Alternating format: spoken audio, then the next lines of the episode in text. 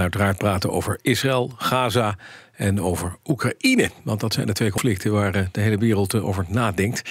Israël bereidt zich voor op een grootschalige militaire actie. Zo lijkt het althans. 300.000 reservisten van de Israëli Defense Force... die zijn samengetrokken bij Gaza, bij de grensstrook daar. Verschillende leiders in de regio gaan de koppen bij elkaar steken. Het laatste nieuws is dat Anthony Blinken morgen op bezoek gaat... bij de Palestijnse leider Abbas. Eh, maar ook vandaag al naar Israël reist.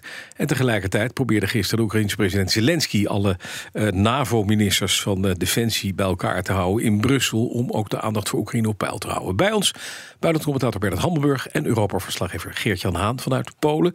Heren, goedemorgen. Goedemorgen. Goedemorgen.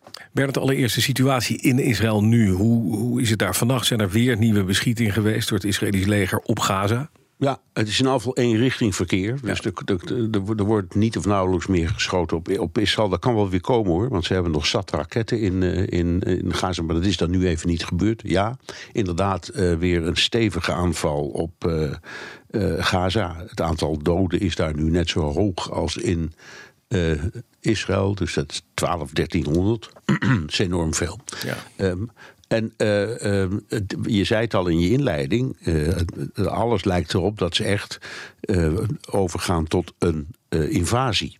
Hm. Dat, dat is nogal wat, nou. omdat, hebben we het ook al eerder over gehad. Um, je, het is heel moeilijk om te doen, omdat Gaza is zo een, uh, ja, een, een, een, klein gebied met, met allemaal kleine straatjes en weggetjes en paden. Daar, daar kun je met je tanks niet ver komen. Dus dat wordt dan heel veel gewoon straatgevechten. Uh, gewoon uh, de infanterie, ouderwetse voedsoldaten. Ja. Met geweren en waarschijnlijk pistolen en messen. Uh, dus dat wordt een enorm bloedbad. Het is iets waar van alle kanten tegen wordt gewaarschuwd. Ja. En het is ook nog niet aan de hand. Maar ja, alles lijkt of wijst erop dat ze het echt gaan doen. Het wordt een stadskirurgie. Ik sprak ja. morgen met Marten Kruijf. Die zei, je weet niet wie je staat, tegen wie je staat te vechten. Want Hamas heeft geen uniform aan. Dat is de bijkomende ellendige factor. Andere is, ja.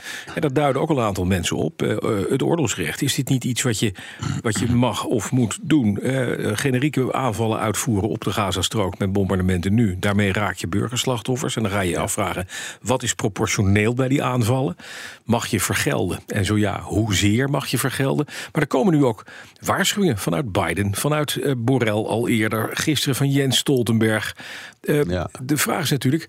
Overspeelt Israël zijn kaart niet als ze ook nog zo'n stadsguerrilla in Gaza zelf gaan, uh, gaan, gaan het, plegen? Het zou kunnen, alleen er is geen sanctie. Nee. Um, en de landen die, uh, die je noemt, de meeste, die uh, hebben in elk geval gezegd dat ze Israël steunen en er solidair mee zijn. Hmm. Uh, maar ze ontraden het, naar mijn idee, volkomen terecht. Ja. wel omdat, uh, ja, het, het, is allemaal schending van het oorlogsrecht. Maar dat geldt ook voor uh, uh, strijders van Hamas die Israël binnentrekken en baby's onthoofden. Wat, ja. wat is gebeurd. Hè?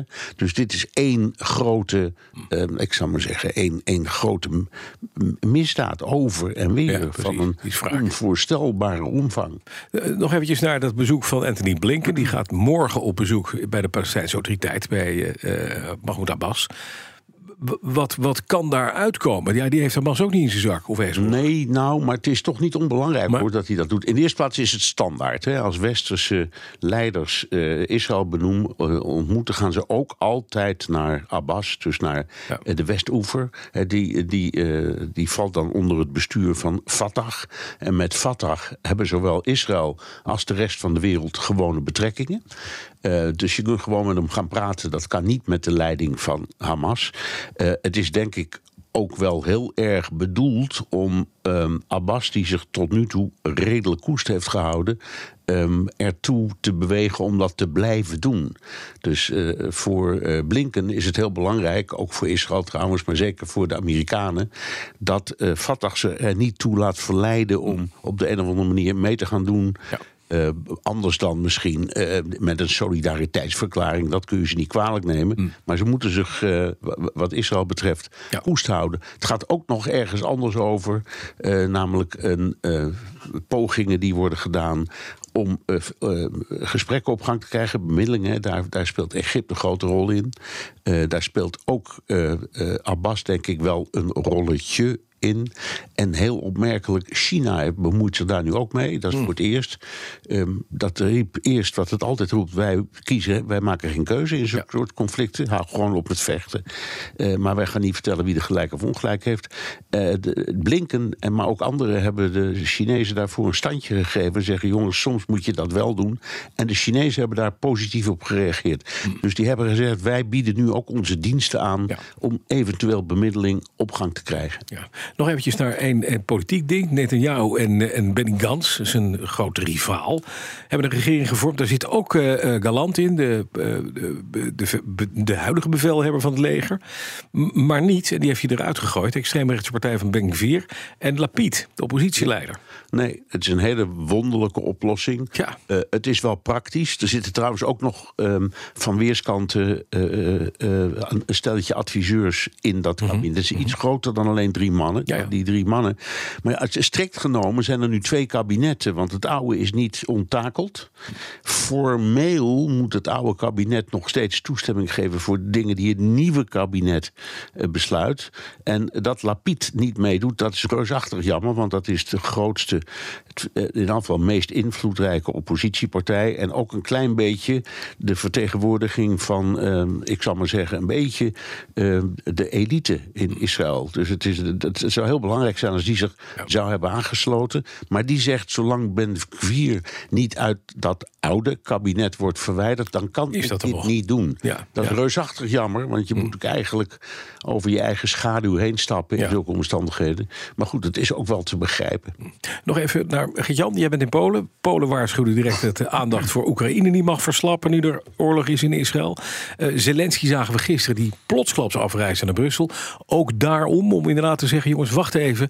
Wij hebben een conflict, daar moeten we het ook over hebben. Dat denk ik wel. Ja. Want hij was in eh, Roemenië ehm, en hij is eh, daarna naar Brussel eh, gegaan. Ja, ja. De Poolse president Duda hier, die, die zei begin deze week dat niet alle aandacht nu naar Israël mag gaan, want dan speel je Rusland in de kaart. Ehm, ik denk dat de politiek, internationale politiek, daar actief op is ingesprongen. Dat wij als media nog een beetje aan het zoeken zijn, omdat Israël natuurlijk allemaal nieuw is, volop in ontwikkeling. Geen idee wat het land nog te wachten staat, wat Gaza te wachten staat, als je het hebt over die, die invasie met, met Bernard. Dus het is ook wel te billig hè, dat daar veel aandacht voor is. Maar ik denk dat Zelensky daar wel handig op inspeelt, eh, naar mijn mening. Hij is naar Brussel gegaan, dus heeft laten zien, ik doe hier moeite voor. Ja. Voor al die nieuwe steunpakketten die jullie mij geven. De Duitsers 1,1 miljard euro. Ja, het zijn ongelofelijke bedragen. Eh, 200 miljoen euro extra van de Amerikanen.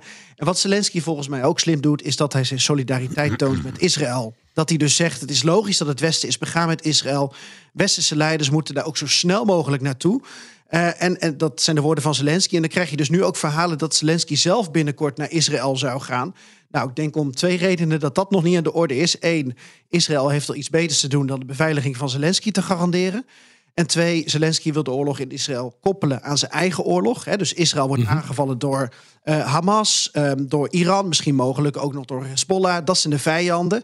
Eh, en hij wil het op gelijke voet plaatsen met Rusland. En ik denk dat Israël nog niet zit te wachten op het beeld eh, van dat Rusland een gelijke terreurstaat is als terreurbeweging Hamas. Ja, dan eventjes naar eh, ehm, eh, een ander ding. Je zei het al eventjes, de steun in, eh, in, in Europa. Slowakije heeft natuurlijk afgelopen weekend een stembusgang gehad. Hè. Toen is die meneer Fico die is gekozen van de Smer. Die heeft inmiddels een regering samengesteld, een coalitieregering. En die is echt pro-Russisch.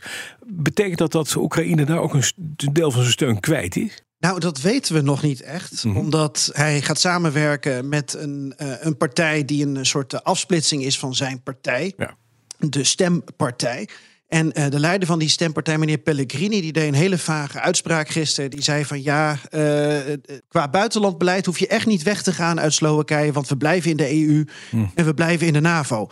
Niks over of hij dan als voorwaarde heeft gesteld dat Oekraïne gesteund moet, moet blijven. Ja. Ik denk vooral dat het ehm, in Brussel vervelend wordt met deze landen vanuit Brussel bezien. Omdat zij, eh, omdat Slowakije en Hongarije, mogelijk ook Polen hier naar de verkiezingen, dan natuurlijk makkelijker kunnen optrekken. Ehm, en in Slovaaks en Hongaars geval je makkelijker sancties tegen Rusland kan, ehm, kan blokkeren, bijvoorbeeld. Militair gezien was Slowakije ook weer niet zo'n grote speler. Het is meer het signaal dat hier eh, vanuit gaat. Ja, nog eventjes naar het, is er nog nieuws over de Russische oorlog in Oekraïne? Want we horen nu inderdaad door de oorlog in Israël eigenlijk geen nieuws uit Oekraïne. Nee, maar dat is er wel. Ja, Eh, en en dat ik, nou ja, weet je, Bernard en ik hebben het er ook over. We willen het ook helemaal niet vergelijken. En in Nee, beide nee. gevallen is het, is het belangrijk voor Europa, omdat ook de oorlog in Israël impact heeft op een heleboel Europeanen. Zeker. Eh, maar het is wel zo dat er vannacht weer aanvallen op Oekraïnse havens zijn geweest. Ook Donauhavens bij Roemenië, dus bij NAVO-gebied. Het is ook zo dat Rusland weer een offensief is begonnen in het zuidoosten bij Avdivka. Mogelijk om ja, de Oekraïnse troepen wat meer uiteen te spelen.